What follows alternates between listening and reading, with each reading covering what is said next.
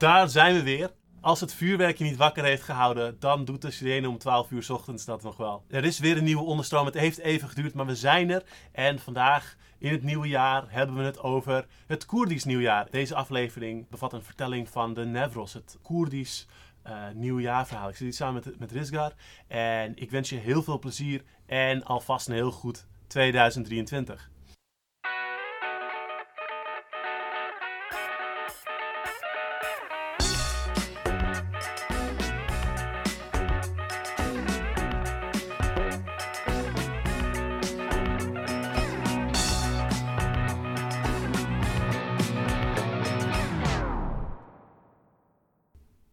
Ja, oké. nou, daar zijn we. Ehm, ik ben natuurlijk Alex. Welkom terug. Naast mij zit uh, Rizgar. Welkom. Hi, ja, bedankt.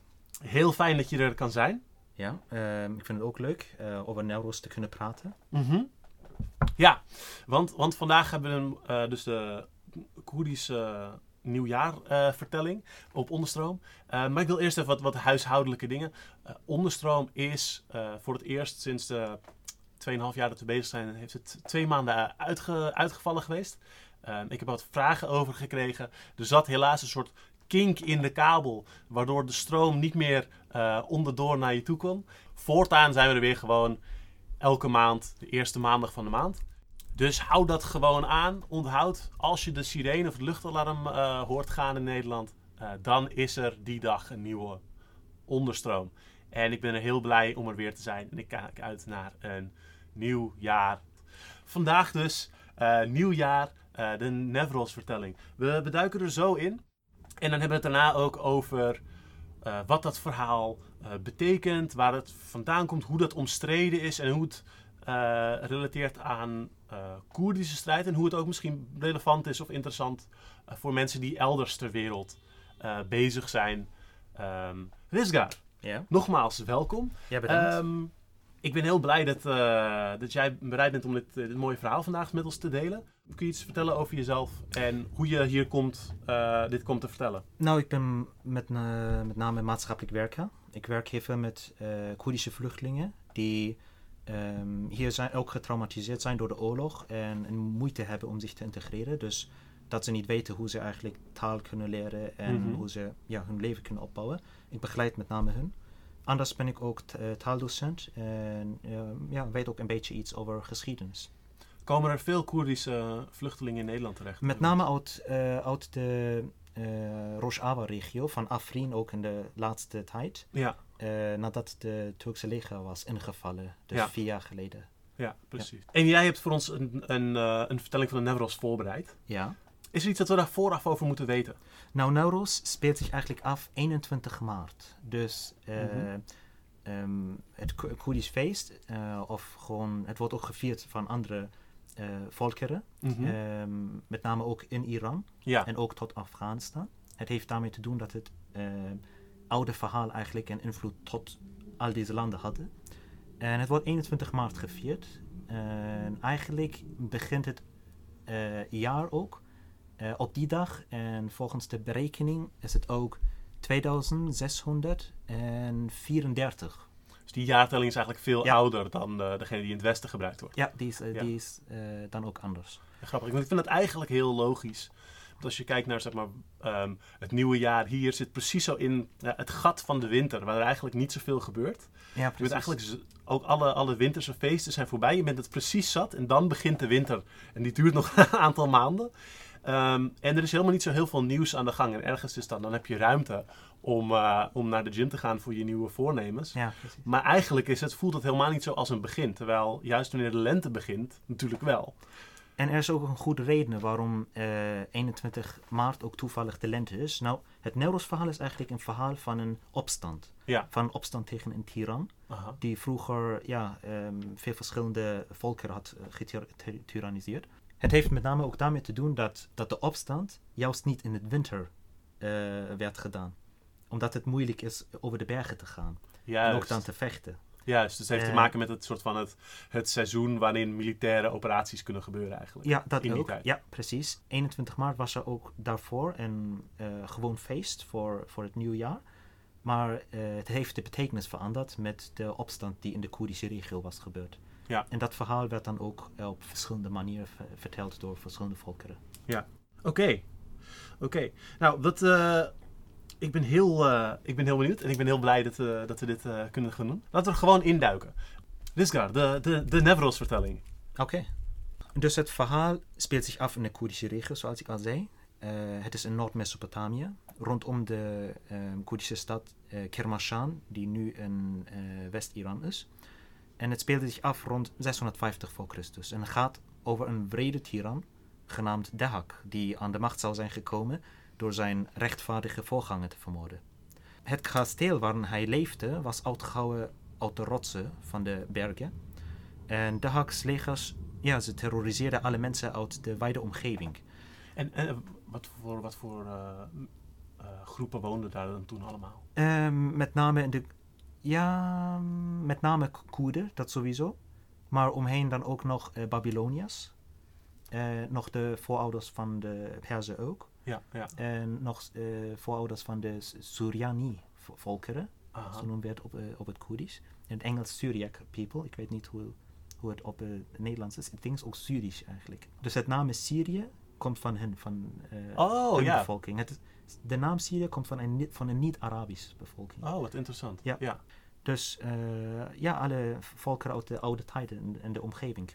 Ja, op een dag kreeg eh, deze tiran, de hak, hij kreeg zware hoofdpijn, die hem zo kwelde dat hij begon te schreeuwen. En toen hij alle bekende doktoren haalde om hem te helpen, realiseerde ze zich dat, ze, dat hij eigenlijk een open wond, een open wond eh, in zijn nek had. Eh, het was een diepe wond die geen duidelijke reden had en daarom wisten ze ook niet wat ze moesten doen. Nadat de tiran dreigde eh, hen te laten vermoorden als ze geen oplossing vinden, zei een adviseur tegen hem: Meneer, er is maar één medicijn voor u. U, mu- u moet een zalf laten maken van de hersenen van kinderen tot 15 jaar Oh, jezus. en deze op de wond aanbrengen. En hij had gewoon spontaan had hij opeens een, een wond in de nek waarvan hij ook niet door had wanneer het was begonnen. Of... Ja, Dus sommige verhalen zeggen ze dat hij op de schouders heeft, twee wonden. Sommigen zeggen op de nek. Ja. En in latere verhalen, die eh, ook in de Perzische versie worden gezegd, zeggen ze dat twee slangen van de zijkanten zijn eh, gekomen. Gegroeid dus. Oh, oh, dat komt me misschien ook wel bekend voor. Ja, Ja. ja. Ja, Maar het Koerdische eh, verhaal ehm, gaat over de wond dus, Ja, die er daar is. ja extreem bruut dat het ook gaat om de, echt de Ja. hersenen aanbrengen in de wond. Echt. Ja, en eh, ja, het is eigenlijk ook een eh, precieze beschrijving van hoe ehm, ja, gruwelijk de, de oude eh, tijden zijn geweest onder deze tiran. Eh, en juist dat zoveel mensen zijn gestorven. En dat werd dan ook vertaald in het beeld van ja, de hersenen van kinderen, met name kinderen. Dat is ook opvallend. Eh, dus de tiran, ja, hij beval het te doen. En kinderen werden met geweld meegenomen en geofferd eh, aan hem. Er wordt gezegd dat enkele handlangers van Dehak medelijden hadden en de tiran begonnen te misleiden door schapenhersenen te gebruiken voor het medicijn. De kinderen die gespaard bleven, werden clandestien opgevoed in de bergen. Hiel, hielp het medicijn? Eh, nee, natuurlijk niet. Maar ja, het was gewoon de enige hoop, misschien de illusie. Daarover, Ja. werd, daar- daarover wordt eigenlijk niets gezegd. Men eh, weet dan dat de dorpelingen ook, van de omgeving of de mensen, eh, met de soldaat van de hak die dan ook medelijden hadden, dan gewoon eh, onder zichzelf dat hadden geregeld dat ze de kinderen clandestien weghalen. Ja, ja. En in een van de verhalen zeggen ze ook dat de kinderen dan natuurlijk de voorouders van de Koerden zijn. Met name omdat de identi- identiteit van het Koerdisch volk is heel vaak opstand geweest Ja, door, de, ja. door de situatie. Omdat er altijd tirannen zijn gekomen, zijn gegaan Ja, ja. en, eh, door het lijden. Dus dat heeft ook zo'n symbolische betekenis eigenlijk daar. Ja. En ja, dus dat eh, ging dan zo verder totdat een smid namens Kawa in actie is gekomen. En hij vertelde zijn naaste vrienden dat hij een plan heeft. Mhm. Hij vertelde hen dat hij zal proberen een einde te maken aan het leven van de tiran, maar dat hij voor de poging zijn eigen zoon naar de koning zal brengen. Hij zei dat als het hem lukt, hij een vuur zal aansteken op de top van de toren op de heuvel waar het kasteel is gebouwd. Als hij geen vuur aansteekt, betekent dat dat hij zelf stierf en niet de tiran. Dus bond hij zijn hamer vast en nam zijn zoon mee naar het kasteel. Toen de bewakers de tiran lieten weten waarom, waarvoor Kawa kwam, verheugde de tiran Dehak zich en liet hem meteen binnen. Mhm. Kawa stond dus in de hal voor de tiran met zijn zoon aan de kant. Men zegt dat hij de tiran heeft verteld dat hij is gekomen om zijn eigen zoon te offeren, als teken van loyaliteit aan de heerser. En Dehak was natuurlijk enorm blij, omdat hij hoopte dat Kawa's bereidheid om zijn eigen zoon op te offeren hem zou helpen genezen. Want tot nu dat toe... extra waarde had. Precies, want tot nu toe eh, lukte dat niet echt. Maar de smid voegde er nog een zin aan toe. Hij zei: Ik ben eigenlijk gekomen om je te vertellen dat ik je ziekte ken. Ik ken het medicijn ervoor, maar vertrouwde niemand om het je te vertellen. Ik wil niet dat de anderen het horen. De tiran was erg geïntrigeerd en vroeg hem wat het is. Kawa naderde toen hem verder en toen hij op het punt stond en het antwoord in zijn oor te fluisteren, hief hij in plaats daarvan zijn hamer op en maakte met een zware klap een einde aan het leven van de tiran. Gelijk op het hoofd heeft, hij geslaan. De bewakers waren aanvankelijk in shock en wisten niet hoe ze moesten reageren. Kawa vroeg hen om hem te helpen, omdat de tirannie is beëindigd en ze nu allemaal veilig zijn. Zijn toespraak maakte hen dan wakker en een vlaag van vreugde verspreidde zich in hen allemaal. Ze hielpen Kawa om controle over het kasteel te krijgen en degene die te onderwerpen die trouw bleven aan de tiran. Die gaven het ook op nadat ze zagen dat Dehak echt neergehaald was. Daarna klom de smid de trap op naar de opening bovenop de heuvel en staak een vreugdevuur aan, dat in de verte te zien zou zijn. Dat signaal veroorzaakte een kettingreactie van vreugdevuren die werden aangestoken op elke hoogste heuvel in de buurt van de dorpen en steden om het einde van Dehaks tirannie aan te kondigen. Ik bedenk me zo die, die scène uit eh, Lord of the Rings. Dat ze bij eh Ja. eh, Gondor ook zo die vuren zo hebben. Dat van berg naar berg zo gaat. Ja, precies. Ja, Dat, dat is eigenlijk ook hoe ze dat vroeger deden. En mensen vierden en herinnerden zich dan vanaf dat moment op 21 maart als de dag waarop tirannie werd beëindigd en een nieuw leven kon beginnen. Hmm. Ja, dus dat is het verhaal. Ja, mooi verhaal. Heel vet dat het eh, ja, zo'n zo'n soort van begin van het nieuwe jaar, dat het zo'n zo'n militant, opstandig, bevrijdend verhaal is. Heel bijzonder. Wat, ik, ik, had, ik had een paar vraagjes. Waarom, waarom bond hij de hamer vast? Wat, wat, wat was dat? Was het meer zo van hij nam de hamer mee? Of? Oh, hij had het gewoon aangebonden aan zijn zijkant. Dus Ah, heeft hem ja, hij, is, hij is de bekende smid in de stad. Ja, ja, ja. En iedereen, iedereen respecteert hem. En Dus smid... dat is een soort symbool, dat liet hij het zien, dat van ik ben echt een smid, ik heb het vast bij me gebonden. Ja. Ja, ja, ja. Ja. Dat ook zo heel erg soort van, hij komt natuurlijk als zo'n soort, eh stelde zich voor als een extreme loyalist die zelf, zeg maar, zijn zonen aanbiedt. Ja. Ehm, en dan zegt hij, nou, maar ik heb nog een extra verhaal om te vertellen. Kom, kom rijden in de buurt. Ja. Ik, moet, ja, ik moet het wel vertellen. Ik wil niet dat deze, dit gepeupel, dat het hoort, Ja. die bewakers. En dan, wat? Ja. ja. eh, want daarna, de bewakers waren wel daarna, ze hadden wel een soort, soort vreugde. Ze waren eigenlijk heel blij dat hij dood was in het Ja, verhaal. dus het is bekend dat eh, iedereen door hem, ja, eh, van hem helemaal bang zijn geweest. Mhm. Ja, en het eind van de tiran heeft eigenlijk meerdere volkeren ook gered in die tijd. Dus het eh, oude imperium in die tijd Ja. wordt ook in de Bijbel eigenlijk genoemd. Dat in die voortijden bepaalde imperiën zijn geweest die de hoofden van mensen hebben opgestapeld als muren en op die manier. En hun effect, ja, het, is- het is een imperium. Dus zoals later het Romeinse imperium dan over Ja. zoveel verschillende volkeren heeft ge- eh, geregeerd, Ja, was dat ja, ook vroeger. En die, en deze Dehak, eh, die regeerde over ja, Mesopotamië, over de Koerdische regio's en over eh, Iran tot Afghanistan eigenlijk. Wat wij vandaag als Afghanistan en Ja, Iran ja, ja. Ik vind het interessant, omdat het ver- verhaal zegt ook van, ja, dit is, een, dit is een tiran en hij was aan de macht gekomen door zijn rechtvaardige, zeg maar, voorganger eh, te vermoorden. Dat Ja. bedoel je een soort van, het is niet per se dat de, de koning of de heerser daarvoor, dat het een rechtvaardige heerser was, maar degene die, zeg maar, de echte erfgenaam was, die is vermoord. Oh nee, nee, nee, dat hem. hij rechtvaardig was, dat hij beter was. Oh, Dat hij een betere, dat hij een betere mens was. Omdat je vaak, zeg maar, heb je zo'n, er is een, er is een soort, Nee, nee, ehm, ik weet wat je bedoelt. Dat, dat het van de positie. Dus hij krijgt het vanuit geboorte of zo, dan is Ja, ja. rechtvaardig. Nee, nee, eh, dat bedoelden ze niet. Ah, oké. Omdat vaak, zeg maar, zeker als we kijken naar heel veel onrecht tegenwoordig, Ja. is gewoon legaal. Ja. Ehm, en dan zegt van, dan is het van, nee, maar het, het is niet volgens de regels of is het corruptie. Ja. Heel veel dingen die gewoon heel misgaan, zijn gewoon compleet legaal en mogen. En natuurlijk eh, onder heel veel monarchieën, eh, ook in die tijd was natuurlijk ook, waren er heel veel dingen die gewoon mochten, die verschrikkelijk waren. Ja. Maar hij zou, hij dus zou dus wel een, een soort een, een, eh, een voorganger hebben die niet zo erg was. Nee, nee, nee. Als je luistert hoe eh, ook de artsen werden beschreven, of de adviseur of de Ja. arts was het die dan het verschrikkelijke advies gaf. Ja. En dat toont ook aan dat de tiran zelf als een mens wordt aangetoond die naar een slechte advies En luistert. waar, waar, waar kwam dat vandaan? Is daar een ding over van waarom, waarom hij dat advies had gegeven? Die Nee, adviseur? nee dat, dat is niet zeker. Dat is niet zeker. Of hij was bang, of de adviseur of arts hij was bang dat hij zijn leven zal verliezen en heeft dat gezegd. Of ehm, misschien zijn er ook andere redenen, maar dat is niet zeker. En eh, de bedoeling van het verhaal is ook om, om aan te tonen dat de mens gewoon foute beslissingen kan maken. Dus misschien was er ook geen arts op die manier. Dat kan ook zijn. Ja, Eh, maar het verhaal toont gewoon aan dat, de, dat wat voor een positie je ook hebt, je bent een mens. En de beslissingen die je maakt, bepalen je eigen toekomst. Hmm. En dat ziet men heel vaak in eh oud-Koerdische verhalen. eh, die, eh, ja, die werden overleverd. ja want dat, dat is interessant. Want ehm, heel veel verhalen, er zijn heel veel verhalen met een soort vergelijkbare vorm.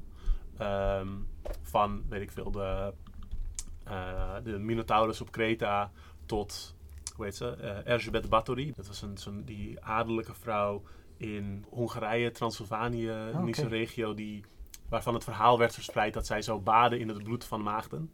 Oh, oké. Het is een heel vergelijkbaar soort verhaal dat er een soort eh, een aantal jonge mensen aan haar gegeven of eigenlijk geofferd bijna moet worden. Ja. Ehm, en dat zij dus baat in hun bloed. Dat is vergelijkbaar met de hersenen in de wond smeren. Ja, Of, ja, de, of de jonge mensen voeden aan de Minotaurus. Of wat, allemaal van dit soort dingen is heel vergelijkbaar. Precies, ja. Ehm, maar in, in die andere voorbeelden is het heel erg. De Minotaurus is een onmenselijk, verschrikkelijk monster. En eh Erzsébet Báthory Mhm. ehm, werd, wordt, wordt heel erg afgeschilderd als een soortement vampier. Of het monsterlijke is waar Ja, het om gaat. ja. En dat Ehm, komt ook met de tijd dat de verhalen dan erger worden. Maar in het, verhaal, in het eh, geval van Neuros mhm. is het originele verhaal in het Koerdisch meest eh, nog eh, overleverd. Omdat het juist in de Koerdische regio is gebeurd. Maar als het dan verder gaat van waar het is gebeurd, komen er nog meer verhalen daartoe. Als ze zeggen dat twee slangen op de nek, eh, aan de zijkant Ja. van, van hem zijn gegroeid. En de hersenen moesten aan de slangen worden gegeven. ah, oké. Dus dan, Dan heb je weer een heel andere variatie. Ja. ja. dan wordt het altijd erger. Dan is Ja. hij ook als een eh, ja, monster eigenlijk dan ook eh, gepresenteerd. En je, je vertelt dat ook dat een, eh, een deel van de, van, de, van de mythe is, of sommige interpretaties, dat die, die kinderen die niet, zeg maar, die, die gespaard werden door de koning te misleiden, eh, dat die naar een, een andere plek werden gebracht en dat dat de een oorsprongsverhaal is voor de, een Koerdisch volk. Ja, voor ook. Er zijn verschillende stammen ge- geweest en eigenlijk werden veel verhalen over de verschillende stammen verteld. Ja. En in die bepaalde regio, toen ook andere ja, regenten, tirannen zijn gekomen om hun Mhm. eigen imperium te, vers- eh, te, te verspreiden, konden ze toch de bergen niet naar boven. Ja. Ze konden nooit de bergen overwinnen. En de bergen zijn eh, ook de natuurlijke bescherming voor de, voor de Koerdische eh, eh, stammen geweest. Nou, het verhaal van Neuros heeft eigenlijk een echte eh, verhaal, dus oorsprong in het, in het geschiedenis. Oké. Het was eigenlijk een echte opstand Mhm. tegen een oude ja, regent of rijk. Maar met name in een bepaalde regio. En ik denk ook, het was in, de, eh, in het eerste plek waar dan de opstand was begonnen. Met name was het een opstand van de Meden. Meden is een oud voor de Koerden. Het was een confederatie. Misschien heb je Van de uitspraak, een, een, een, eh, het is geen wet van Mede en Perzen. En dat betekent Precies. zoiets als het is geen wet die zo staalhard wordt aangehouden Ja, of zo. Dat ja. Meden en Perzen, dat zijn dan twee, twee Precies, groepen. precies. En Mede eh, was eigenlijk de oorspronkelijke, oorspronkelijke naam van een stam in de stad Kermashan, die in eh, Noordwest-Iran nu is, dus in de Koerdische regio. En deze stam heeft andere stammen om zich heen verzameld. Oké, En juist dat verhaal van Neuros is ook in de bergen van Behesdoen. oké. Bergen van Ah. Behesdoen is dan in dezelfde omgeving. Interessant, ja. En daar zijn ze begonnen met een opstand tegen het oud eh, terreurregime eigenlijk. Ja. Eh, dat op een religieuze manier zei dat ze over andere mensen moeten heersen. Dat was vroeger zo. En wel- welk rijk is dat dan geweest? Ik denk het was in die tijd van het eh, Assyrische Rijk. Oké, Maar het Assyrische Rijk, moet men zo begrijpen, is zoals je zegt Ottomaanse Rijk. ja. Dus ehm, het was een militair regime Mhm. eigenlijk, met de naam van een god van het oorlog. Dus Oké. de naam van, het, van de god van oorlog is zoals in Latijns Mars Ja, of in Grieks Ares, ja, was het toen ook Ashur. oké. Met name het, het woord van eh, eh, zwaard is ook binnen. Dus een, soort, een soort militaire dictatuur. Precies, precies. En niet, en niet per se een bepaald volk overheerst een ander volk. Het is gewoon een, In die tijden was dat nooit zo. Eh, Nee. Ook als je zegt eh, Babylon, was er ook heel veel verschillende volkeren bijvoorbeeld.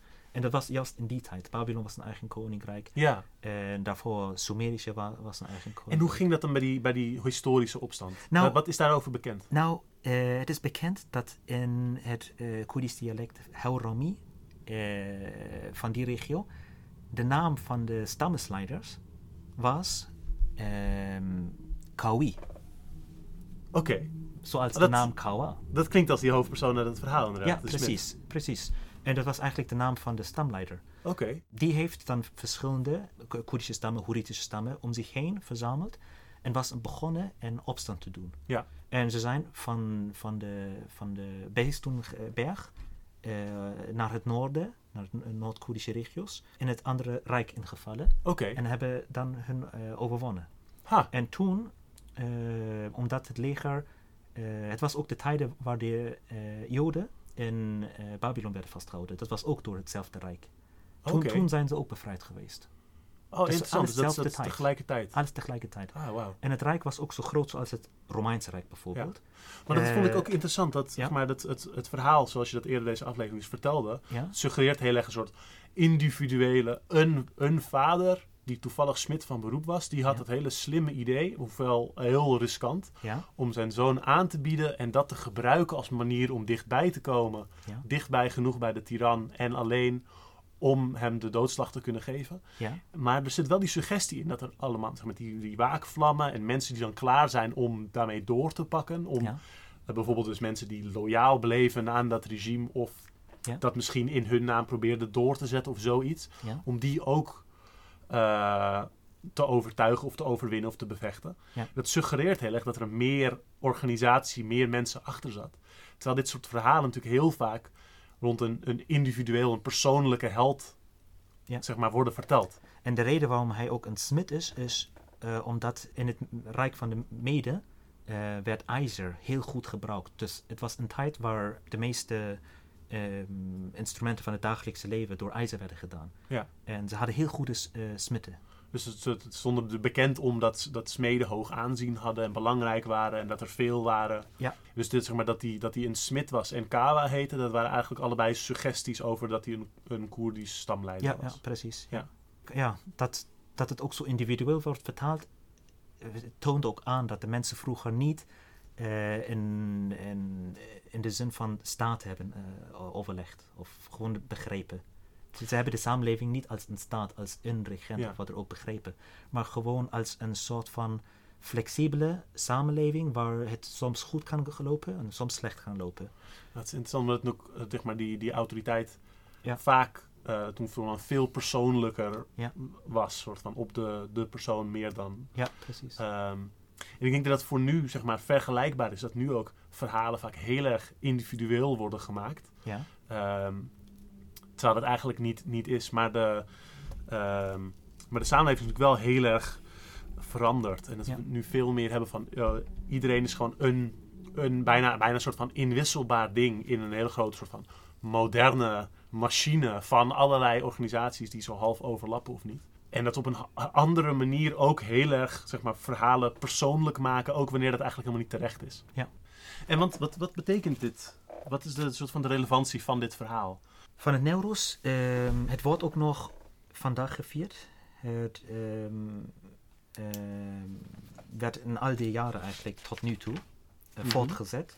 Maar het heeft nooit de grote betekenis en zo verspreid onder eh, alle Koerden. Dus van de vier verschillende staten waar ze ingedeeld zijn. was het nooit zo verspreid zoals nu. En dat heeft ook daarmee te doen met de, met de ehm, recente opstand. Ja, als ik zeg recent, dan bedoel ik ook 45 jaar geleden die is Ja. begonnen. Oké. Dus de nieuwste opstand die ook eh, bestaat. Daarvoor, na, de, eh, na het ontstaan van de st- verschillende staten, eh, nieuwe staten in, in Mhm. het Midden-Oosten, werd, werd het vest Neu- Neuros met name door, de, door het Turkse leger ook verboden.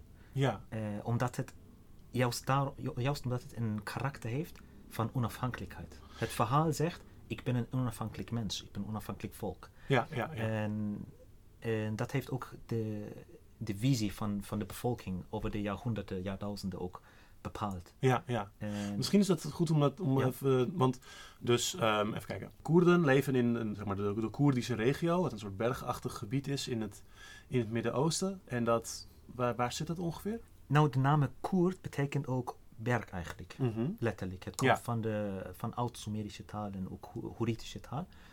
Ehm, de woorden betekenen bergen en het eh, de naam Koerdistan bijvoorbeeld werd ook vroeger als Kardia genoemd en andere eh, varianten, maar altijd Kardia aan het be- be- begin, is hooglanden. Ja. Zoals wij zeggen Nederlanden, omdat het lage landen zijn, ja. en hooglanden omdat het hooglanden zijn. Dus de eh, bergkettingen van Taurus en Zagros, die nu is ingedeeld eh, in, in de Turkije, Aha. in Iran, in Irak en in Syrië. Oké, ja. In vier delen. Ja. Dus de hoog- en de laaglanden in deze omgeving. eh, waar ze... Maar met landsgrenzen, die zijn er eigenlijk doorheen getrokken. Ja, precies. Ja. Dus juist in die omgeving en heel uitgebreid eh leeft dan, ja, leeft het Koerdische volk. Ja. En, die 40 landen die willen dus. natuurlijk mee, mee- vaak hebben, hebben, zeker zo mo- moderne staten willen een soort nationaal verhaal neerzetten. En sommige zijn daar eh, harder mee bezig dan andere. En dus bijvoorbeeld de, de Turkse staat is daar heel hard mee bezig om een, overal een Turkse identiteit neer te zetten. En dus ook met het ontkennen en uitwissen van Koerdische identiteit Precies, die ja. daar tegenin gaat. ja. Dus deze staten die bestaan er ook alleen maar 99 jaar. Mhm. als, eh, als de staten die wij nu kennen. Ja. En daarvoor ehm, was het, ja, eh, bestonden er nog verschillende koninkrijken en confederaties van alle verschillende volkeren eh, die ingedeeld zijn geweest eh, in het Os, Osman, Osma- Ottomaanse Rijk. Mhm. Ottomaanse Rijk en Perzische Rijk. Ja. Maar de koninkrijken en de confederaties en de klein, kleinstaten eigenlijk, die zijn nog onafhankelijk geweest. En die Ja. bestonden ook. Maar juist dat vergeet iedereen. Ja. En ja, dus 99 jaar geleden werd door ehm, de Lausanne-bijeenkomst werd de regio ingedeeld. En Koerden werden dan gewoon gesplitst in vier, in vier staten. En sindsdien eh, heeft iedere leger van deze staten eigenlijk hun energie, hun eh, gehele energie verbruikt om de Koerdische identiteit te ja, negeren, te onderdrukken. En toen is daarbij ook bijvoorbeeld in Turkije de viering van de Nevros onderdrukt. Ja, ja, met name daar was het verboden. Het Mhm. was ook verboden eh, te zeggen dat er Koerden bestaan. Mhm. Eh, het, na het naam Ko- Koerdisch, of Koerdische namen, of de Ja, taal. En ja. alles wat met Koerdische cultuur te, te doen heeft, was verboden. En werd ook bestraft met, eh, met gevangenis of dood. De eerste decennia's van de, van de Turkije, die wij nu kennen, was de Koerdische regio een gesloten militaire regio. Oké, En daar mocht er niemand naar binnen en niemand naar, eigenlijk ook naar buiten op die manier. Eh, omdat, ze, eh, omdat het leger probeerde eh, de Koerdische regio ook te assimileren. ja. Maar dat ja. met geweld. Dus. Ja, precies. In die tijd ook was natuurlijk het verboden dan Nowruz te vieren. Maar er bestonden nog steeds onafhankelijke klein koninkrijken, kan je dat noemen eigenlijk. Die nog steeds een opstand deden. En dat eh, lukte dan eigenlijk tot 1940, 1945. Koninkrijken zeg je. Kleine koninkrijken, ja. Koerdische koninkrijken. Dus als we dat zo noemen, koninkrijk is toch eigenlijk alleen maar een regent. Iemand die een bevolking stu- eh, stuurt. En in het Koerdische geval zie je dat als stam. Maar de stamleider is eigenlijk de koning van de regio.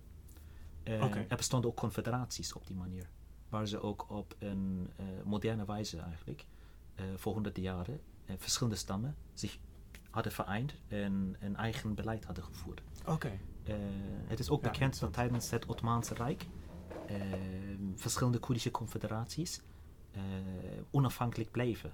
Ja. En op een punt ook geen eh, belasting aan, aan, aan, het Ottomaanse Rijk moesten geven. Dat ook niet. Dat ze een soort vrijstelling toen van hadden ja, ook dat. Ja, omdat ze juist grote legers hadden. Ja, Dus ja.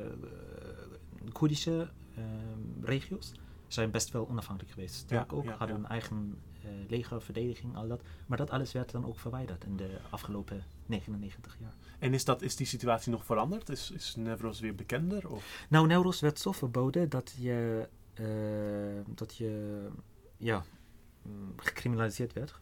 Je werd gedood. Het was verboden totdat um, de Koerdische studentenbeweging rondom de. Misschien ken je hem, uh, zijn naam is Abdullah Öcalan. Mhm. Hij heeft een studentenbeweging uh, opgebouwd. Aha. En hij heeft eigenlijk de, het, de, de strijd voor een vrij Koerdisch volk heeft hij weer beleefd. Ja. Uh, tot die tijdpunt durfde niemand eigenlijk in, in de Noord-Koerdische regio, wij noemen het Noord-Koerdische regio, wat in de Turkije is, uh, durfde niemand daar te zeggen dat ze Koerdisch zijn. Dus de taal die uh, uh, werd helemaal verboden. Mensen durfden dat ook niet te praten.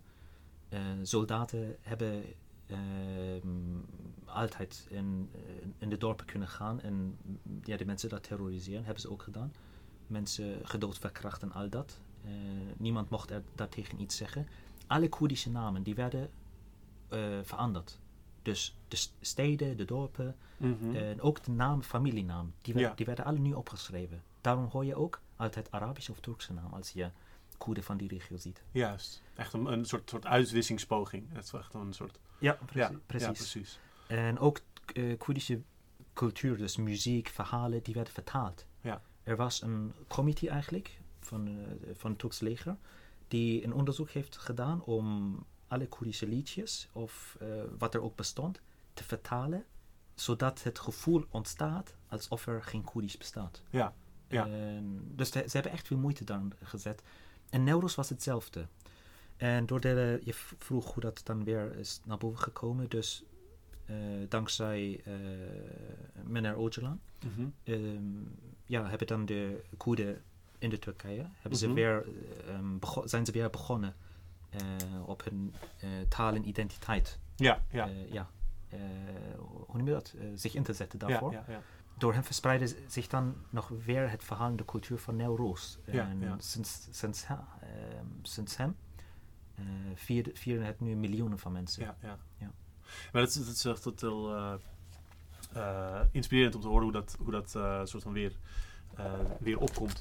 Um, en ook om het te vergelijken met andere, andere situaties, omdat het een kwestie van hoe, hoe herinner je je, je geschiedenis en hoe, hoe begrijp je jezelf. Dat is zo belangrijk politiek gezien. Ja. Um, en dat is ook zeg maar, waarom er zoveel moeite wordt gedaan om, om die dingen te sturen ja. um, en, en te onderdrukken. Um, en dat is, uh, dat is gewoon op, zich, op zichzelf al, uh, al strijd. Net als je kijkt bijvoorbeeld, weet ik veel, naar hoe, hoe ons nu wordt geleerd om, om naar onszelf te kijken als, ik veel. Stel je, je, je bent op je werk van, stel ik ben een, een persoon die gaat proberen in de, in de ladder van het bedrijf te klimmen versus wij en al onze collega's doen al het werk en iemand anders gaat weg met het, uh, met het geld. Dat verschil in hoe je jezelf, je situatie begrijpt en wie je medestanders zijn en hoe je daarmee omgaat, dat is zo belangrijk uh, voor hoe je, hoe je leeft en hoe, hoe zeg maar, je te besturen bent. Uh, dat het heel belangrijk is om zeg maar, daar te kijken van hoe, hoe willen we dat zelf doen. En om, om dat te doen eigenlijk op een manier die, die jou kracht kan geven en jou de, de mogelijkheid geeft om om vrijheid en, en gelijkheid neer te zetten onderling. En daarom vind ik het zo verfrissend dat, dat juist voor dit verhaal, voor de, in, de, in de, de Koerdische traditie, dat juist zo'n extreem opstandig verhaal is. Ja. Um, en ook dat zeg maar, de, daar heel erg een nieuw, nieuw begin in wordt gezien. Dat de opstand en de verandering van het systeem niet als het, het einde is, maar juist het begin van iets nieuws. Ja. En het voorjaar. Ja, precies. En dat is ook een van de um, kernkarakter van, uh, van, ja, van, het, van de Koerdische folklore. Um, het is altijd om nooit wrok te koesteren en vooral te gaan. Dat is heel belangrijk uh, mm -hmm. in, in, de Koerdische cultuur. Ja, de betekenis van Neuros, um, die wij ook vandaag nog hebben, mm -hmm. heeft met name met de wens te doen om vrij te zijn. Dus het gevoel dat je een vrij mens bent en ook het besef dat jij de keuze hebt om vrij te zijn. Dat is wat eigenlijk eh, altijd eh, de verschillende uh, Koerdische stammen in al de grote regio hetzelfde, dezelfde motivatie heeft gegeven. Neuros gaat eigenlijk hand in hand met, de, met, het, met het geschiedenis van Koerdistan. van Mhm. alle Koerdische regio's. Onderdrukking gebeurde altijd. En eh, de Koerden werden heel vaak, heel vaak aangevallen. En heel vaak moesten ze ook vechten voor hun eigen vrijheid. Dat gebeurde heel vaak. En in de afgelopen 200 jaar, eh, 300 jaar ook, werden meer genocide eigenlijk gedaan tegen de eh, kleinere Koerdische groepen Mhm. die onafhankelijk zijn gebleven. Dus van alle re- verschillende religies en ook van eh, verschillende regio's. Als, als dat de realiteit is die altijd eh, op jou werd opgedwongen, dan heb je ook eigenlijk ook iets nodig wat je hoop geeft. Mhm. En dat was voor de meeste tijd was het Newroz. Oké. Maar het bestond in verschillende eh, regio's, een beetje meer en andere minder. Ehm, het werd zes- 1600 door een boek van een Koerdisch schrijver met de naam Ahmed Ghani. Eh, die een soort van eh Koerdisch, als ik het vergelijk zou ik zeggen een Koerdisch Romeo en Juliet. Dat Oké. je het weet. Eh, maar het verhaal zelf is, ehm, men zegt dat het uit de Sumerische tijd is, dus van duizend jaar geleden is. En dat het mondeling altijd werd doorgegeven aan, ja, aan de nieuwe generaties. Het verhaal is genoemd Mem Uzin.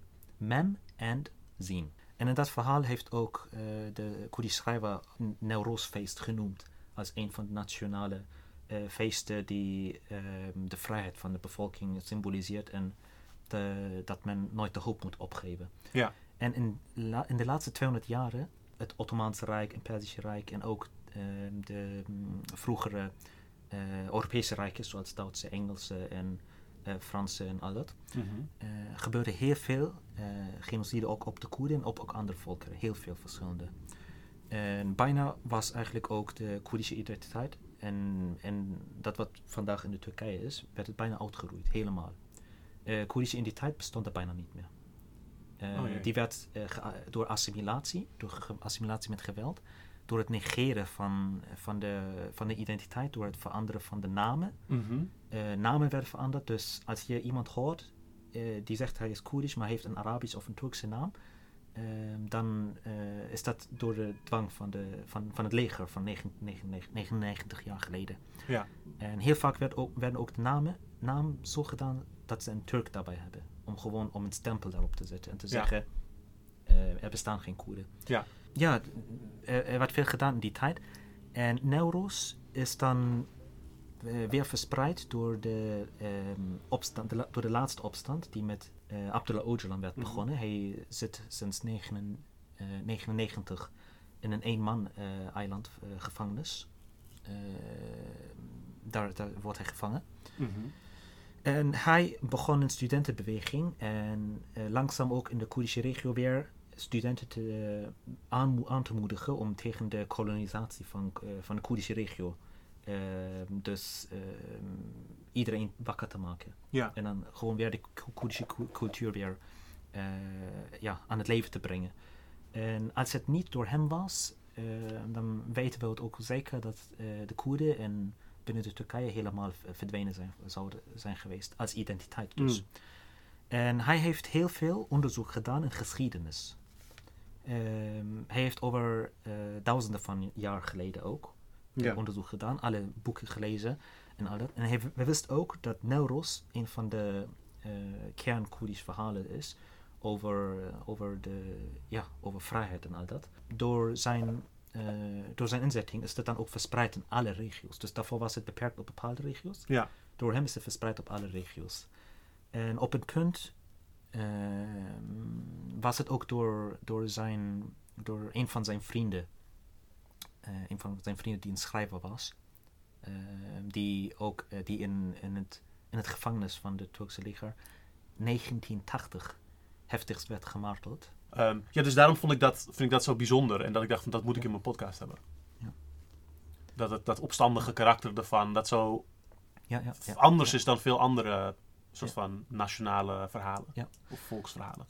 Ja, ik begrijp wat je zegt, dat het mooi is dat opstand ook een deel van de cultuur is. Maar eh, mensen begrijpen het woord opstand helemaal fout, denk ik. Ehm, want het lijkt altijd op een soort van revolutie zoals in Frankrijk vroeger was. Ja. En dat is wat men ook kent als een opstand. Maar het gaat eigenlijk meer ook daarom dat je alleen maar begrijpt, je moet voor jezelf opstaan. Ehm, je hebt familie, je hebt eh, vrienden, je hebt bu- buurmensen, je hebt, een, eh, je, hebt je eigen stad, je hebt de, het land en de mensen met wie je eigenlijk jezelf identificeert. En je wil, je wil een veilige omgeving hebben. Ja. En dat is ook een van de eh, grondwaarden die, eh, die, als men naar het geschiedenis van de Koerden kijkt, die eh, het Koerdische cultuur eh, overheerst. Ja, interessant. En wat- met opstaan bedoel je dan een soort van op jezelf staan, als in een soort onafhankelijkheid? Of bedoel je meer een soort van je eigen situatie indelen en een soort van je ehm, soort van zelfbeschikkend zijn meer? Zelfbeschikkend zijn natuurlijk, eh, want eh, onder, onder het woord opstand eh, denkt men altijd je moet tegen iemand iets doen. Ja. Maar je moet niet tegen iemand, ook als er een tiran is of wat er ook, je moet niet tegen iemand iets doen om een goed leven te krijgen. Wat je moet doen, is te begrijpen dat je iets voor jezelf doet. En niet tegen iemand anders. Hmm. En ik zie dat heel vaak, dat wordt vergeten heel vaak in, in andere voorbeelden. Maar ehm, ja, bij ons is dat gewoon een onderdeel van, van het bewustzijn. Ja. Ik kom dat zeker in zeg maar, ook activistische kringen heel erg veel tegen dat altijd. ehm, dat, dat heel veel dingen altijd een soort van als een tegen, tegen dit wordt ge- gepresenteerd. En dat is ook, ik denk dat het belangrijk is, omdat zeg maar, de, mensen doen dan wel iets voor mensen die problemen hebben, want je bent tegen het probleem. Maar het is wel goed om het inderdaad ook. Ik denk dat het, dat het waardevol is om het te zien als. om het te kunnen vertellen als waar ben je voor. Maar ook om de dingen die je, die je voor je ziet, waar je eh, positief over bent, eh, juist te benadrukken. En ook voor jezelf in de oog te houden. Om, eh, om daar hoop uit te, te slaan. Want als je alleen maar kijkt naar wat de persoon doet waar je die je tegen, bent, tegen je bent, dan zie je alleen maar dingen waar je wanhopig van wordt. Ja. Ik ben, ik ben er zelf wel. ehm, ik, ik ben al een tijdje mee, mee bezig met, met een, een soort gelijk thema. En ik, ik hoop er binnenkort iets over uit te brengen. Eh, met de naam eh, organiseren of georganiseerd worden. Het gaat heel erg over dat je. Wanneer je zo dat beeld schetst van een, opstand, een revolutie, zoals weet ik veel, de, de Franse revolutie van de, van de geschiedenisboeken. ehm, er, er zit heel vaak zo'n gevoel aan van. Toen was er gewoon de druppel. En we wisten allemaal wat dat was. En toen gingen er allemaal dingen gebeuren en kreeg- kregen de mensen het veel beter opeens. Ehm, alsof het inderdaad een magisch plotpunt in een verhaal is. Ja, maar het gaat erom dat wij zelf dingen Ja. eh, moeten doen en willen. En de, de mate waarin we de, de hoop en de wil hebben om dat te doen. De mate waarop we eh, beseffen wat er mogelijk is. Die, dat, dat is op zichzelf al een soort een politiek strijdtoneel. Dat is, zeg maar, de, dat weten of vinden dat je, dat je er tegenin kan. Of dat je zelf iets kan beginnen. Of dat je los zou kunnen staan van die bedrijven of instanties die zeggen dat ze alles voor je aan het regelen zijn. Ja. Eh, dat besef op zichzelf is al extreem belangrijk en, Ja. en vaak zeldzaam. Ja. Ehm, dus ik denk dat dat een heel belangrijke is, inderdaad. Voor jezelf dat initiatief te pakken en te kunnen kijken van wat, hoe wil ik dat het is en hoe kunnen we zelf een actieve rol hebben in hoe ons leven eruit ziet. En, want eh Koerdische strijd gaat nog steeds door natuurlijk. Ja, Er is afgelopen, er, het, is, het is eigenlijk nooit gestopt natuurlijk. Ja. Ehm, ik denk dat veel luisteraars wel weten over ehm, de rol die ook eh, de, de burgeroorlog in Syrië ja. ehm, en de, de Daesh, of internationale, hoe heet het, Islamitische Staat, invasies en om, om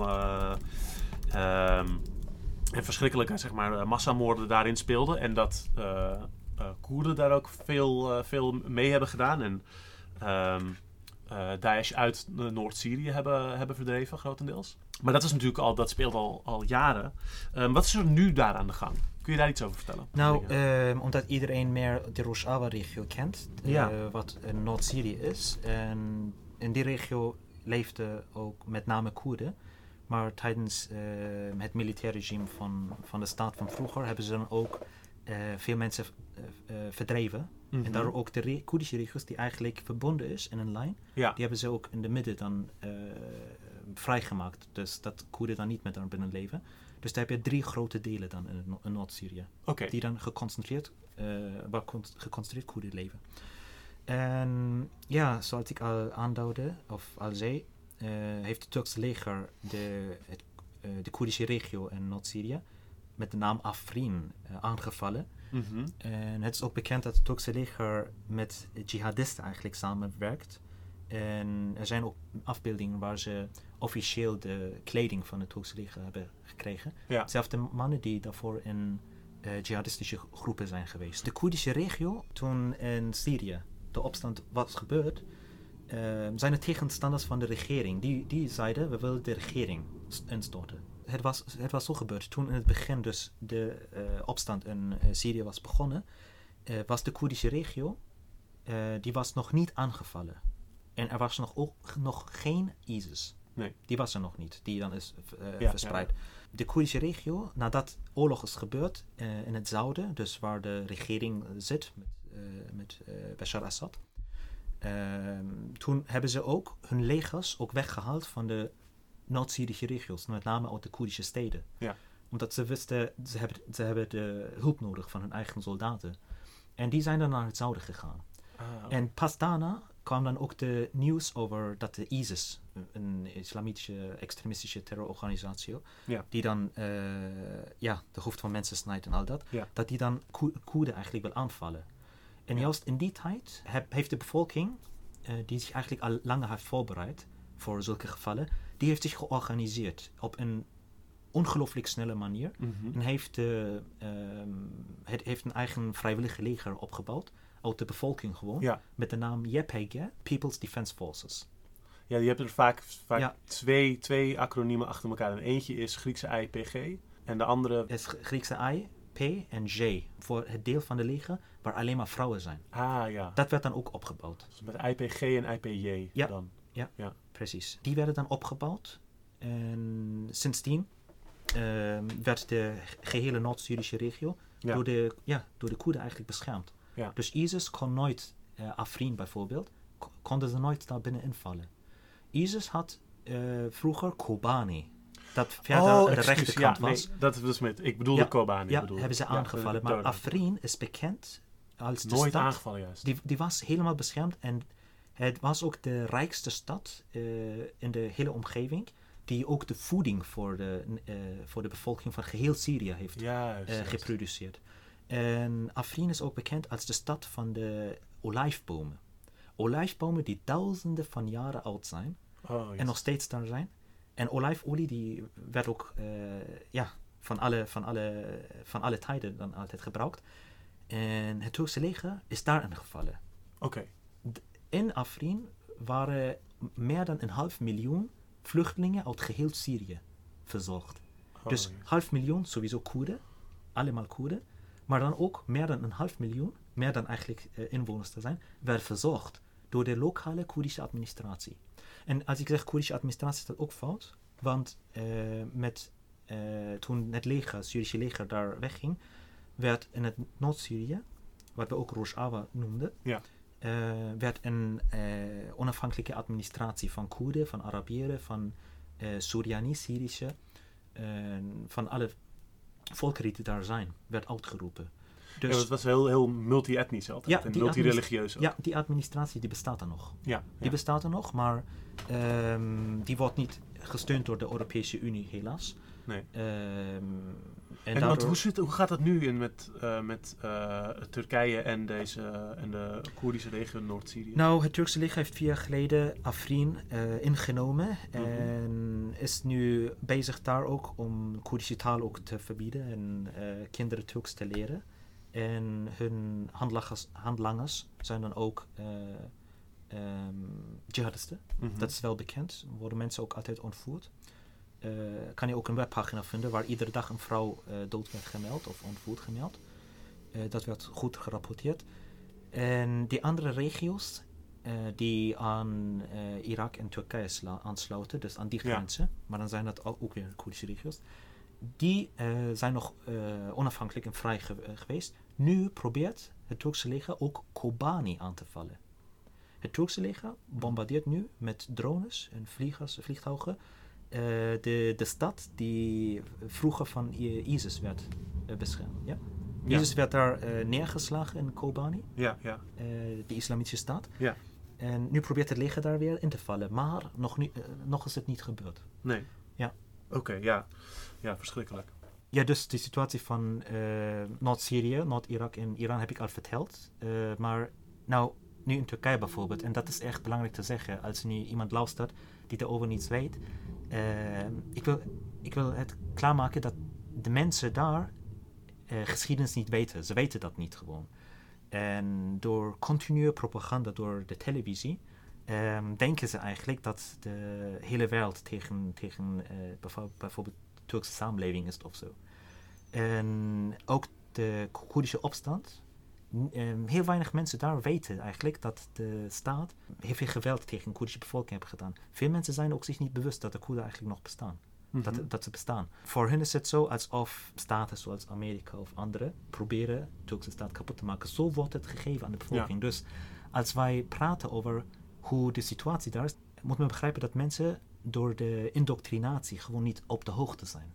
En dat daar een groot verschil kan worden gemaakt als mensen daarover worden geïnformeerd. Dus je vroeg over wat de situatie is. In de huidige situatie zijn alle democratische, eh, dus bijna alle democratische eh, leden van de partij die voor Koerdische vrijheid zijn, Ja, die zijn in gevangenis. ja. Eh, als je jezelf zo voorstelt. eh, Er, wa- er was toen die verkiezing onlangs waar de bedoeling was om in Turkije een meer presi- presidentieel stelsel neer te zetten. En daarvoor was een bepaalde supermeerderheid nodig in het parlement. precies. En toen door de introductie, de, de verkiezing waarbij deze partij, ja, HDP, in het parlement terecht kwam, daardoor had Erdogan niet de supermeerderheid die hij hiervoor nodig had. Nee, en toen heeft de fraude gedaan. Ja, precies. Eh, Toen zijn al heel veel gedaan. van die eh, parlementariërs en mensen die actief waren voor die partij op allerlei manieren onderdrukt en gevangen gezet. et. Ja, precies, dat dat ook. Eh, dus fraude gedaan. Stemmen ehm, zijn ja, gewoon verloren geweest. En ehm, dus mm, die namen kunnen, kunnen mensen opzoeken. Figen Yüksekdag en S- Salatin Demirtas. En Ja. jullie kunnen hun namen ook opzoeken. Ze zijn ja, de, ehm, ja, de oppositie. De hele oppositie die in gevangenis is gestoken gebeurt nog. En er werden rapporten ook gepubliceerd door um, eh, organisaties van de Europese Unie, waar ze zeggen dat 1% van de gehele samenleving in gevangenis zit van de Turkije.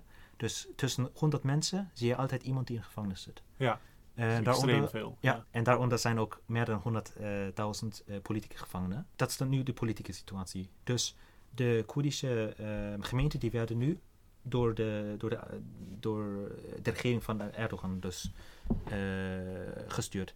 Er is een heftige oorlog met dronen tegen Koerdische regio's. Dus het Turkse leger heeft in 2016 ehm, meerdere Koerdische steden helemaal kapot gemaakt. Met, eh met panzer en wat er ook. Ze konden, nadat de bevo- bevolking zei, we gaan nu even onszelf verzorgen. We gaan eh, autonoom een beetje handelen. Mhm. Dat hebben ze dan ook niet gelaten. Dus het leger gaat binnen naar de, eh, in de steden. Je moet je zo voorstellen dat het leger dan naar Amsterdam komt en dat doet. Of naar eh, andere steden. Eh, Ja, ja. kan je niet voorstellen. Dat, dat gebeurt er juist. En nu is het, le het Turkse leger in, in de Koerdische regio, waar ze de ehm Koerdische guerrillas aanvallen. Ehm, en in Noord-Syrië bombarderen ze de infrastructuur. Ze richten, ze richten wapens precies op eh, scholen, eh, ziekenhuizen, kan alles opzoeken. Plekken waar ook voeding, vo- voedsel wordt opbewaard. Die eh, zijn ze nu aan het kapotmaken sinds één maand. Mm. En in Noord-Irak, waar ook de eh, eh, onafhankelijke Koerdische administratie is, zijn ze ook aan het aanvallen en aan het vermoorden van ehm, eh, vluchtelingen en ook eh, journalisten en politici. Dat, deze nieuws die kwamen altijd op, dat er Ja. eh, assassinaties zijn gebeurd. En eh, sowieso met, met de vliegers, met vliegtuigen, Ja. eh, hebben ze mm, de dorpsregio's en ook de bergen dus gebombardeerd. Dus ook civilisten gedood, niet alleen maar de eh, Ook guerrillas. burgers, ja. Ja, ook burgers. En ze hebben ook eh, in de afgelopen twee jaren chemische wapens gebruikt. En daarvoor zijn er heel veel rapporten ook opgekomen.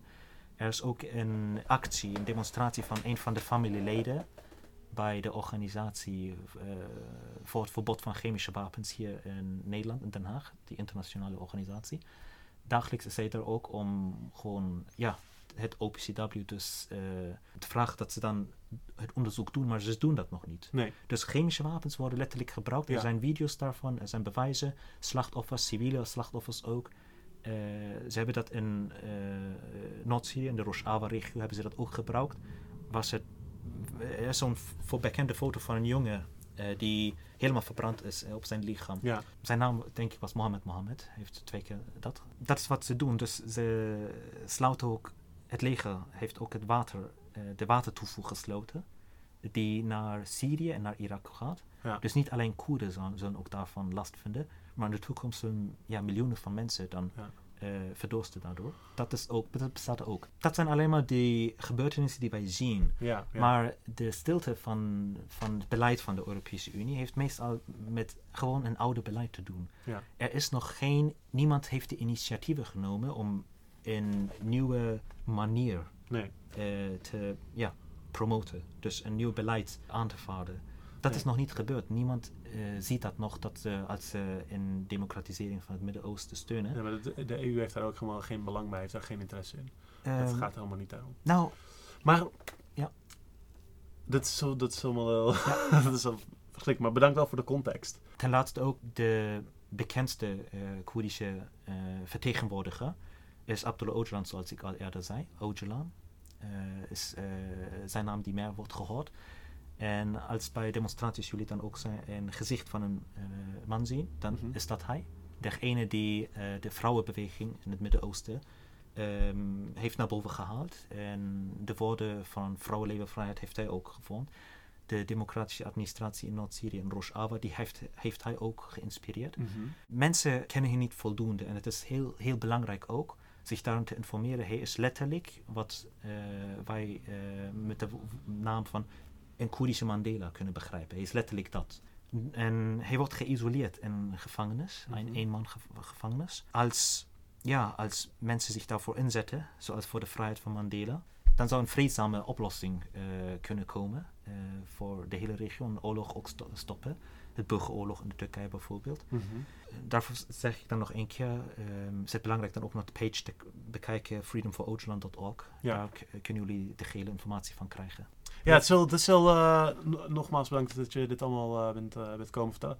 Het is, eh, het is extreem, heftig wat daar allemaal gebeurt. En eh, het zijn allemaal verschrikkelijke dingen. Ik, ik, ik, eh, ga proberen later in deze aflevering ehm, te proberen op dat thema van het nieuw begin met Nevros een soort optimisme neer te zetten. Maar eh, nadat we al deze dingen hebben besproken, ga ik dat wel een beetje een uitdaging vinden. Desalniettemin ehm, is het heel belangrijk om hier eh, meer over te horen, horen. En ook om te zien hoe die, die dingen zich tot elkaar verhouden. De, de onderdrukking versus de inzet voor, voor bevrijding en de, de mogelijkheden, de dingen die daarin al behaald zijn. Omdat, omdat vaak onderdrukking ook weer terugkomt en juist, juist als, als reactie weer doorzet. Daarom noemen we het reactionair ook. Ehm, En en bij anders- de Iraans. eh, Ja? Dus dus heel veel mensen hebben ook iets gehoord over dat er eh, in Iran heel veel eh, eh, protesten en, en, en opstand is geweest rondom ehm, eh, vrouwenrechten. Ja. Ehm, en daar, daar speelt ook de Koerdische bevolking een, een bepaalde rol in, of niet? Ja, eh, precies. Ehm, als wij van Syrië nou, nou over de grens gaan en naar Irak, dat wil ik nog aansluiten zodat de luisteraars ook een beeld van kunnen hebben. Noord-Irak is al een eh, autonome Koerdische regio die, ehm, die binnen van Irak eh, dus hun eigen autonomie heeft. En officieel hebben ze ook eigen, eh, eigen vlag en scholen en al dat eigen administratie. Als we nu verder naar rechts gaan, waar ook dan de Koerdische regio aansluit in Iran, wat in West-Iran is, eh, het is een gro- eh, grote lijn die van boven, van het noorden naar het zuiden gaat. Eh, naast de berg, bergen en ook de- op de lage landen. Met name daar, en dat heeft men ook in de nieuws ook gehoord, Mhm. ehm, heeft het leger van, het, van de islamitische regering van Iran, die heeft ehm, daar heel veel Koerdische, ja, ehm, ja, gewoon jongeren gedood. Met name daar. Dan niet alleen ook in de Koerdische regio, maar ook in Noord-Iran, waar ook Gilani-volkeren zijn. Gilaki is een andere naam van hun. En ook in het zuiden, waar ook dan weer een andere eh, Ja. minderheid zijn. En dan ook in het eh, oosten, waar Baluchen zijn. Er zijn natuurlijk in, in heel, heel, heel, heel Iran volgens mij eh, zeg maar heel veel opstanden geweest, waar vooral ook heel veel scholieren, veel vrouwelijke scholieren, heel veel meededen Ja, met, met deze, deze protesten voor, voor, voor vrouwenrechten en, en tegen die, die moraliteitspolitie, zoals die in Iran. Ja, zo noemen ze het, moraliteitspolitie, die dan ehm, eh, kijken of mensen volgens de religieuze codes dan zich gedragen. Of, ja, ja, ja. ja, dus dat is een ja, ex- extreem. eh, excuus. ja, Ja. En ja, dus de opstanden zijn gebeurd door eh, nadat een van de moralische politie ehm, een jonge vrouw namens Gina Mahsa Amini heeft doodgeslaan. Ze werd gevangen genomen, of in gevangenis gestoken. Omdat ze zeggen dat ze ehm, niet de codes van hoe je jezelf moet kleden of een hoofddoek of wat er ook hebt. Ja. Eh, omdat het niet eh, volgens hun klopte. Maar in de gevangenis is het duidelijk dat hun, haar Koerdische ide- identiteit dan ook naar voren kwam. Oké. Eh, toen hebben ze haar doodgeslaan en ze had een bloed- hersenbloeding ook daar. En ze was eigenlijk met haar familie in vakantie in Teheran. Ja. Teheran is de hoofdstad van Iran. En ja, haar dood heeft eh, in het ge- gehele land de samenleving eh, op de benen gehaald. Ze zijn opgestaan en hebben sindsdien tegen, tegen ja, het regime daar ge- geprotesteerd. Dus het is niet alleen maar eh, voor de Koerden, Nee, maar nee, nee. door iedereen. Maar de meeste die worden gedood zijn dan weer in de Koerdische regio. Ja. Dus het leger, of het islamitische re- regime, probeert eh, af te leiden van de opstand van iedereen daar. Ja. En we kennen ook het slogan dat daar eh, werd uitgeroepen: vrouwen, leven en vrijheid. Mhm. Eh, in het Koerdisch Jinjian Azadi, dat hebben misschien mensen gehoord op straat, of op het Persisch Zenzendegi Azadi. Dat is een andere vorm, een beetje. Deze slogan die is eigenlijk een kern, kern van de ideologie die meneer Öcalan heeft eh, begonnen en ook eh, verspreid in de Koerdische Hmm. regio. Dus eigenlijk is het een eh, slogan die in Rojava ook Gebruikt werd gebruikt. En die is begonnen in de Noord-Koerdische regio, naam- met name in de Turkije. Ja, ja, ja. Da- daar werd het ook begonnen. Ja. ja, dus we hopen ook dat dan in Iran mm, een, ja, een nieuwe beweging op, op, ontstaat. Dus dat mensen hun rechten kunnen krijgen. Ja. Dat hopen wij. Als mensen hiervan op de hoogte willen blijven, waar zijn er, plekken die je kan aanraden waar ze kunnen kijken? Of waar ze iets bij kunnen dragen of wat ze kunnen doen? Zeker. Dus het is ook belangrijk om hier te zeggen dat de Koerdische situatie eigenlijk iedereen betrekt op een manier dat de, dat de Ko- Koerdische regio of de Koerdische eh, samenleving eh, bijna de enige democratische groep is die als één volk ook de kans heeft en ook de mogelijkheid heeft vanwege hun positie om een verandering in het Midden-Oosten te brengen. Dus eh, Noord-Syrië, Rojava, eh, daar is er een vrije administratie eh, die universiteiten heeft opgebouwd en ziekenhuizen en al dat. Maar niemand weet, weet daarover iets. Mhm. Er wordt heel weinig over gezegd in, in Ja, in heel mainstream weinig. dingen. Maar het is een grote kans. Mhm. Afrin was die stad die meer dan een half miljoen van vluchtelingen had verzorgd. Door, de, door het Turkse leger moesten ze weer vluchten. En dan eh, zegt iedereen hier, er is een vluchtelingsstroom uit Ja, eh. Syrië. En hoe gaan we hun verzorgen? Je moet hun niet verzorgen. Je moet de democratische administratie in de regio het, eh, hun laten verzorgen. Ja. Steun hen even. Dus waar, waar moeten Ja. mensen kijken? Waar moeten mensen naartoe? Ja, dus websites die over de ge- gebeurtenissen in Koerdische regio's gaan. Zoals Koerdisch Nieuws bijvoorbeeld. Oké, ja. Er zijn ook koerdischnieuws.nl dus. En er zijn ook nog ehm, heel vaak evenementen, demonstraties, waar die dan ook worden gepost op social media. Ja. Eh, kunnen ze ook makkelijk vinden en daardoor eh, ook contact opleggen met eh, jongeren die activisten. Ja. Dus die dan in Nederland ja, Ja. daar een beetje bijdrage leveren. Je kunt de groep Radical Solidarity ook een hele, hele sterk altijd om, om aan te halen.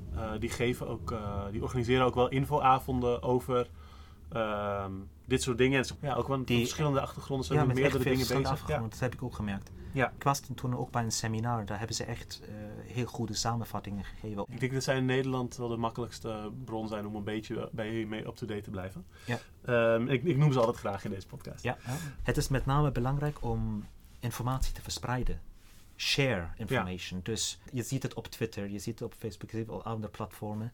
Eh, of je ziet, eh, je ziet het op de nieuws. Iedereen praat over, over gebeurtenissen in alle andere gebieden, maar nooit over wat er in het Midden-Oosten gebeurt en eh, ook eh, over de Koerden. Ja, ja. En de reden daarvoor is ook, er is een heel heftige campagne van antipropaganda tegen de Koerden. Eh, met name ook van, vanuit de Turkse regering bijvoorbeeld. Ze hebben een groot team, een eigenlijk een leger van online, online, hoe noem je dat? Trolls zeggen ze Ja, in het ja, ja. Engels. Die alle informatie over Koerden eh, laten verwijderen. Ja. Die rapporteren al dat Ja, ja. en veranderen al dat. En proberen juist dat niemand de echte informatie kan vinden. Dus dingen die eh, vandaag nog in internet zijn, die kunnen morgen ook verdwijnen. Ja. Dat gebeurt vaak. Dus dat is heel belangrijk daarover te informeren. Ja. En eh, er is nog de webpagina eh freedomforogeland.com. Mhm. Daar kan men ook veel meer over de, ehm, ja, over de m- morele, over de ideologie die Ja. in Rojava eh, voorheerst, die eh, daar is. Daar kan men veel leren. Ja, nee, hartstikke bedankt. Heel fijn dat we het hier over al deze dingen kunnen hebben. Het verhaal ging natuurlijk over de eh Nevros vandaag, het Koerdische nieuwjaarverhaal. En dat zeg ik natuurlijk omdat we hier ook net aan een eh nieuw jaar beginnen. En ik denk dat het belangrijk is. ehm, ik vond het heel leuk om, om het over de, zeg maar deze, deze eh, mythe van, van opstand en, en op jezelf staan mee te kunnen nemen in, de, in deze podcast. Omdat ik ook denk dat voor, voor eh, mensen die in, in Nederland zo politiek actief zijn, eh, goed is om, om dat, dat vooruitzicht van een nieuw, van een nieuw begin en nieuwe kansen voor je te zien. Omdat het, omdat het niet, niet altijd vanzelfsprekend is dat je, dat je veel hoop hebt of, of nieuwe kansen ziet als je, als je hier zo mee bezig bent. Hoe belangrijk je het ook vindt. Want we zien allemaal, we horen, het is vandaag ook benoemd, we horen allemaal verschrikkelijke dingen die gebeuren. En we zien allerlei eh, heftige dingen opkomen op, eh, op rechts. Eh, mensen lijken alle, alle grote instituten en geldstromen maar, maar mee te hebben. En alles lijkt die, die, die kant op te schuiven. Ehm, terwijl er ook goede en positieve dingen gebeuren. En terwijl we ook ehm, in Nederland nieuwe, nieuwe dingen neerzetten die, die soort gewoon lang niet gezien zijn. En ik denk dat het, dat het goed is om dat te benadrukken. Er is in Nederland, maar, als, we, als we terugkijken voor de, voor de afgelopen jaar, denk ik dat er op met de, de, de radicalen en de, eh, de links en de, en de anarchisten en al, al die mensen heel veel hebben neergezet dat, eh, waar we heel trots op kunnen zijn en waar we ook ehm, duidelijk een, een nieuw begin ook zien. Ehm, in, in Nederland is heel lang, is zeg maar een soort, naast dat het een hele verrechtsing is, dat er ook een, een soort ontlinksing is geweest. Dat dingen die meer aan de linker en progressieve kant zaten, heel erg soort van afzwakten of weet je, een soort van toegaven in de manier waarop ze communiceerden en veel meer naar het midden schoven of zich heel soort van bescheiden of stilletjes opstelden. En ik denk dat dat, dat aan het veranderen is dat er heel veel nieuwe, eh radicalere stemmen zijn opgekomen en dat er veel meer mensen daar nu belangstelling voor hebben. Ehm, en dat je duidelijk daar een soort, soort nieuwere energie in ziet. En ik denk dat vorig, vorig jaar, vorige twee jaar met die, met die woonstrijddemo's, dat er een hele golf was. Dat er echt allemaal mensen nieuw actief werden. Ja, ja. Ehm, en nu in het afgelopen jaar is dat misschien die, die golf van allemaal nieuwe mensen. Misschien niet dat, dat niet iedereen dat, dat meer ziet. Maar ik denk dat er wel heel veel gebeurd is aan met, met die nieuwe energie die er is, aan de slag gaan. En dat is soms werk dat minder de aandacht trekt. En dat je, dat, dat mensen om, dat je aan de mensen om je heen niet zo goed kan zien dat er van alles gebeurt. Maar dat, dat, wel, dat er wel van alles zeg maar klaar staat om, om de komende jaren een heel nieuw geluid neer te zetten. En daarmee ook een, een, een situatie te zetten waar we in Nederland veel, veel strijdbaarder kunnen zijn. En veel meer mensen in andere landen kunnen ondersteunen. En veel meer ehm, die verrechtsing tegen kunnen gaan. En naar een betere wereld toe kunnen bouwen. We hebben zeker heel grote kansen om eh, in ons eeuw Ja, om echt eh, grote verandering in de wereld te, te maken in ons leven en ook vrede te verspreiden. Men moet met name ook begrijpen dat eh, wij reflecteren ons gedrag of het gedrag van anderen of van, van het beleid, van het officiële beleid, reflecteren wij op het verleden. We denken dat het verleden op dezelfde manier zich heeft gedragen of dat Ja. wij op dezelfde manier zoals vroeger Ja. gedragen, maar dat is juist niet waar. Het is wel waar dat het huidige beleid en gedrag en al dat eh, een volge is van wat er vroeger was. ja, Maar eh, vroeger denken mensen gewoon anders. En het heeft met de situatie te doen. Wat wij nu hebben, we hebben een geglobaliseerde wereld. En technologisch eh, technologische wereld. Waar iedereen eigenlijk dezelfde informatie heeft. Dus we hebben eigenlijk ook een bewustzijn, we kunnen het hebben, we kunnen het nog verbeteren. Een bewustzijn van eenheid als mens. Eenheid als mensheid. En dat was er vroeger niet mogelijk. Vroeger had men gewoon geluk ook eh, als ehm, de samenleving om je heen ehm, dezelfde instelling had zoals jij. En dat was juist de rol van cultuur bijvoorbeeld. mhm, En verhaaltjes. En deze verhaaltjes die dan iedereen kent, die vormen dan je eigen identiteit. Zoals in het Nederland heb jij eh, degene die het land beschermde voor, voor, de, voor de vloed. door zijn vinger in, in Oh god, te ja, zetten, ja, ja, ja, ja. Ja, en iedereen kent dat verhaal. En dat geeft een gevoel van identiteit bijvoorbeeld. En Ja. dat hebben we ook met Neuros dus. Waar we weten dat, eh, dat er eh, ooit een smid met na- naam Kawa Ja, eh in, Tiran, ja, een tiran heeft neergeslaan. en ja, ja. mensen heeft bevrijd. En ja, dat vormt gewoon de karakter van, van mensen. En ik denk dat het ook belangrijk is om, om ehm, zeg maar, ik, ik zeg altijd vaak, ik vind, ik vind het Nederlands, zeg maar, het nieuwe jaar zoals we het hier hebben, eigenlijk een beetje onzin. Want het is op een compleet willekeurig moment. Een moment waarop er ook niet heel veel nieuwe dingen nog gebeuren. Ehm, en ik vind eigenlijk, zeg maar, het begin van de herfst eigenlijk veel meer een nieuw jaar. Want dan heb je de zomer gehad. Dat is vaak ook een beetje net, misschien ben je op reis geweest. Of alles is een beetje rustig en dan begint het weer. Of je bent gewend dat, zeg maar, Mm, dat vanuit al die jaren ja. schooljaren, dat dat relevanter was. Ja. Ehm, maar ik denk sowieso dat het heel belangrijk is om, zeg maar, te zien dat er een soort jaarcyclus is. Zodat je kan terugkijken van hoe is het nou geweest. En dat je niet maar denkt dat je gewoon maar in een soort continue drap zit waar alles allemaal maar gebeurt. Maar dus, er, zijn, er zijn dingen die terugkomen. En je kunt dus dat, dat, hè, daarmee helpen evalueren en, en kijken van hoe is het dan gegaan? Wat, wat kan er, wat is me allemaal gelukt en niet? Ehm, Dat is en, zeker zo. en ik denk ook dat het wel goed is om het een beetje te splitsen. Dus voor mij persoonlijk heb ik vaak dat ik na de zomer veel meer ga kijken naar... oké, wat, wat voor projecten zou ik willen zien dat er ontstaan? En hoe, hoe ga ik voor ik veel, eh, projecten waar ik mee bezig ben, organisaties... hoe gaat daarvoor het jaar eruit zien? Ja. En dat ik rond deze tijd meer soort van persoonlijk kijk naar... oké, maar hoe wil ik er zelf in staan? En wat wil ik, wat wil ik bereiken? Of hoe wil ik dat, dat andere dingen er anders uitzien? En dat, dat zijn geen harde onderscheiden, maar ik, ik vind het fijn om dat ene meer zeg maar, de, de persoonlijke nieuwjaar en de andere meer het soort van projecten nieuwjaar. Of. Ja, ja, precies. Ja. Ehm, ja. En ik denk dat het heel belangrijk is om dat soort momenten te hebben en die erin te bouwen. Eh, als, bij wijze van, van ritueel. Ehm, omdat dat ook altijd is hoe, hoe dat soort dingen bij je blijven. Dus ik vond het heel mooi dat we vandaag hebben kunnen delen ook in dus dat, dat ritueel en dat verhaal van de Nevros. Hoewel dat normaal dus eh, pas over 3,5 maand ongeveer van toepassing is.